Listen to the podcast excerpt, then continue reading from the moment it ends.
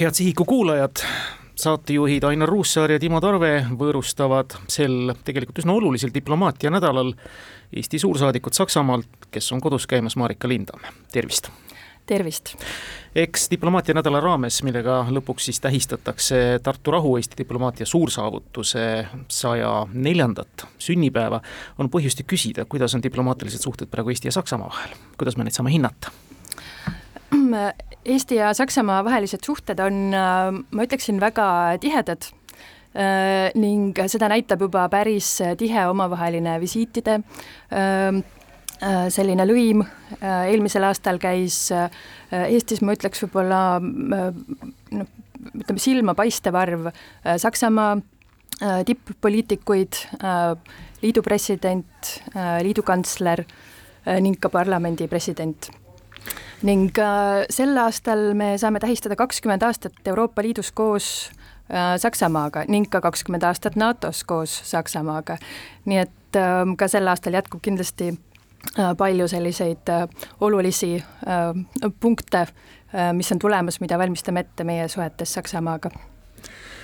hea suursaadik, te tulete korraks koju käima streigilaines Saksamaalt, noh näiteks vedurijuhtide streik tekitas ikka riigis paraja kaose kas saksalikult täpsed seadused kohustavad inimesi tööle jõudmise eest ise vastutama ka sellises olukorras? Äh, tõepoolest, Saksamaal praegu on käimas kuuepäevane äh, streik raudteel ning see on äh,, on välja toodud seni viimaste aastakümnete pikim. Ning äh, eks see paneb äh, muidugi äh, survet inimestele, kes tõepoolest peavad Äh, ise vaatama, et nad äh, jõuavad äh, tööle ning ka majandusele, nii et,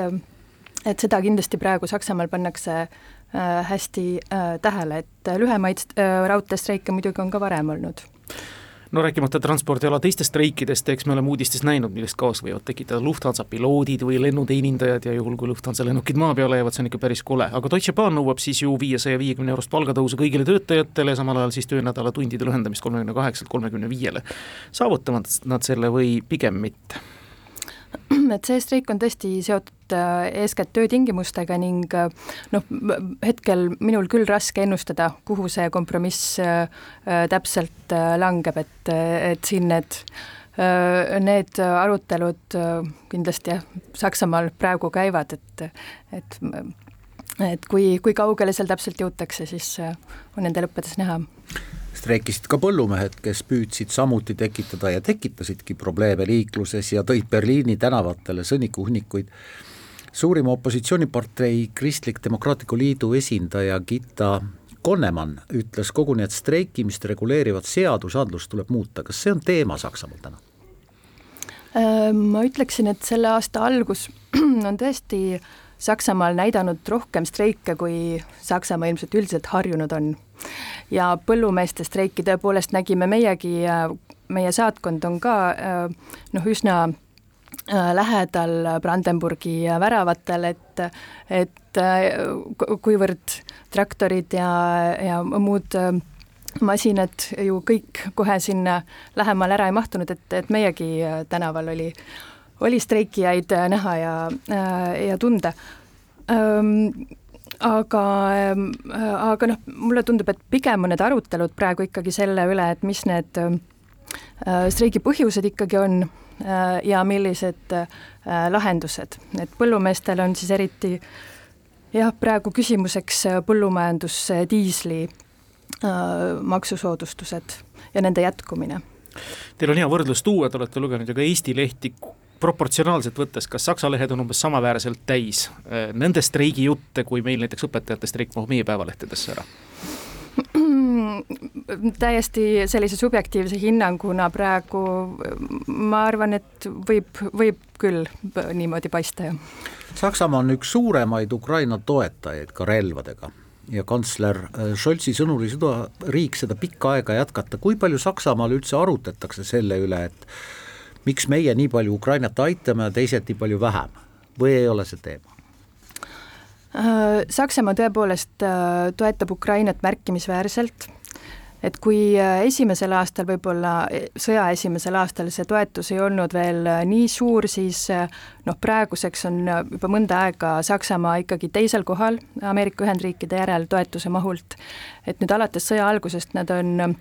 just siin jaanuaris toonud välja, on nad andnud abi umbes kahekümne seitsme miljardi ulatuses, et seda siis äh, nii militaar- kui ka humanitaar- kui ka muud abi hõlmavalt äh,. ning nad on lubanud kindlalt selle abi jätkumist ja sel aastal äh, näiteks mingites lõikudes ka suurenemist. Et Saksamaa, ma ütleks, praegu seisab väga kindlalt Ukraina kõrval, et arutelusid ühiskonnas on Äh, on selle üle, et kui kaua ikkagi sõda jätkub ja millised selle mõjud Euroopale laiemalt on, aga aga ma ütleks, sellises suures plaanis see toetus Ukrainale on ikkagi äh,, ikkagi päris tugev. ja noh, mida Saksamaa nüüd on siin viimasel ajal ka välja toonud, on see, et Euroopas tervikuna on ka vaja mõelda, et kuidas ühiselt ikkagi veel rohkem teha kuidas see ikkagi niimoodi on läinud, me mäletame sõja esimestel aastatel, kuidas Saksamaa hirmsasti avalikkuselt noh, nii-öelda rappida sai, et ta hirmsasti tõrkus küll lube andmast mingisuguseid relvastusi edasi anda, ise vahetult midagi doonorina andmast ja nüüd on ta tõusnud tõesti Ukraina esidoonoriks Euroopas vähemasti. Saksamaad on vahel võrreldud sellise suure tankeriga, et äh, et läheb natukene võib-olla aeg, roh-, aega rohkem kui äh, kui meie seda mõnel hetkel sooviksime, et, et neid tegevusi käima tõmmata, aga, aga selle eest jällegi, kui nad toimivad, siis nad on oma mahult väga mõjusad. Eestis, Lätis, Poolas, paljudes teistes riikides on suurem osa punamonumente avalikest ruumist eemaldatud ja sealt kadunud. Berliini kesklinnas kõrgub Nõukogude tankide vahel endiselt Nõukogude sõdur. kas Saksamaal ei ole diskussiooni selle üle? Äh, praegu ma ütleksin, et mina seda diskussiooni äh, ei näe, et Saksamaal on äh, jah, tõepoolest kunagi ühe lepinguga lubatud, et nad äh, äh, ei puutu neid monumente, nii et äh, et äh, noh, neil see, seisab ka selline leping, lepinguline kohustus äh, siin ees räägime Saksamaa sisepoliitikast ka. Saksa põhiseaduslik kohus kiitis ju heaks läinud nädalal avaliku rahastuse võtmise neonatsiparteilt NPD ehk siis eh, noh, kodumaa tõlkes siis mm, Die Heimat. kas tegemist on nišiparteiga või on nende toetajaskond ikkagi ka kuigi palju märkimisväärne? kindlasti nad teevad kõvemat häält, kui nad ise seda suuruses on mm no ma ütleksin, et Saksamaa üldises poliitilises debatis, et nemad siiski äh, nagu sellise äh, väga tugeva häälega äh, ja kandepinnaga ei ole. aga tõepoolest jah, selline otsus nüüd tuli, et kuueks aastaks nende partei rahastus on siis hoopis mõjukam on parempoolne AfD ehk erakond Alternatiiv Saksamaale, mille populaarsus on kasvamas, vähemalt nii loen ma uudistest. põhjuseks siis ikkagi peamiselt rahulolematus immigratsiooniga või on see liiga lihtsustatud? ma usun sellise äh, Saksamaa poliitika äh, vaatlejana tõepoolest, äh, et migratsioon on siin üks, üks oluline teema. Aga noh, kahtlemata see on jah, ka mitmetahulisem. No AfD juht Alice Weidel käis välja ka idee ju korraldada sarnaselt Ühendkuningriigile rahvahääletus Saksamaa lahkumise üle Euroopa Liidust, Dexit nii-öelda ja ka Saksa välisminister Anna-Lena Baerbock on ju teinud ettepaneku Euroopa Liidu radikaalseks reformiks, diskussioonid Euroopa Liidu nii-öelda olemuse, struktuuri, toimimise ja kõige selle üle on ikkagi päris täies hoos Saksamaal, võib sellest välja lugeda või? Ähm, välisminister Baerbock on ähm, äh, väljendanud toetust Euroopa Liidu laienemisele ning öelnud, et sellega seoses on vaja ka Euroopa Liidu sees reforme selleks, et Euroopa Liit ka pärast laienemist siis piisavalt tugevalt ja tõhusalt saaks toimida. et noh, millised need reformid siis on, milliseid kohendusi või kohandusi on vaja, et seda siis muidugi peavad ju kõik liikmesriigid äh, nüüd arutama äh, ja äh, ja vaatama, et millised need kokkulepped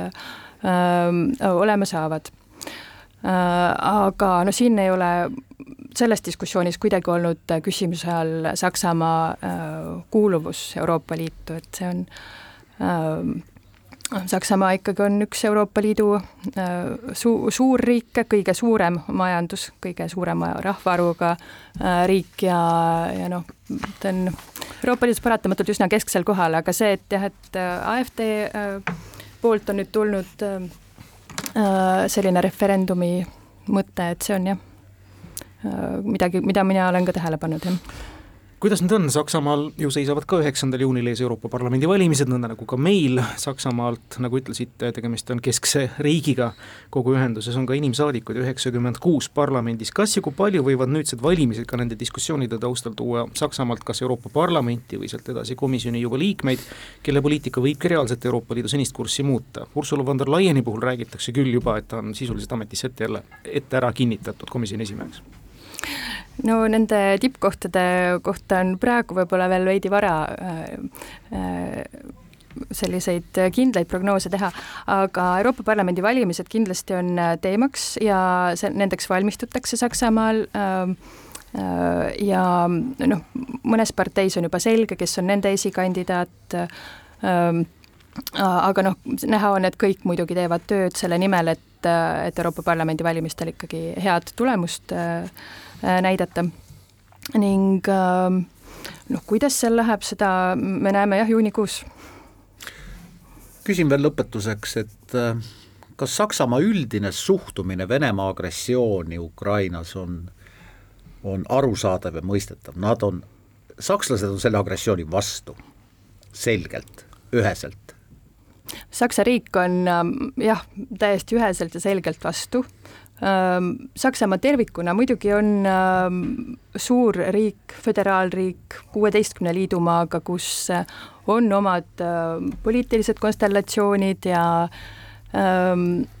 ja võib-olla erinevad sellised rõhuasetused, aga noh, ma ütleks, et Saksamaal tervikuna ikkagi on jah, toetus Ukrainale kõrge ja, äh, ja püsiv suur tänu selle aja eest Kuku kuulajatele ja Eesti suursaadik Saksamaal Marika Lindam, ilusat diplomaatia nädala jätku! suur tänu teile!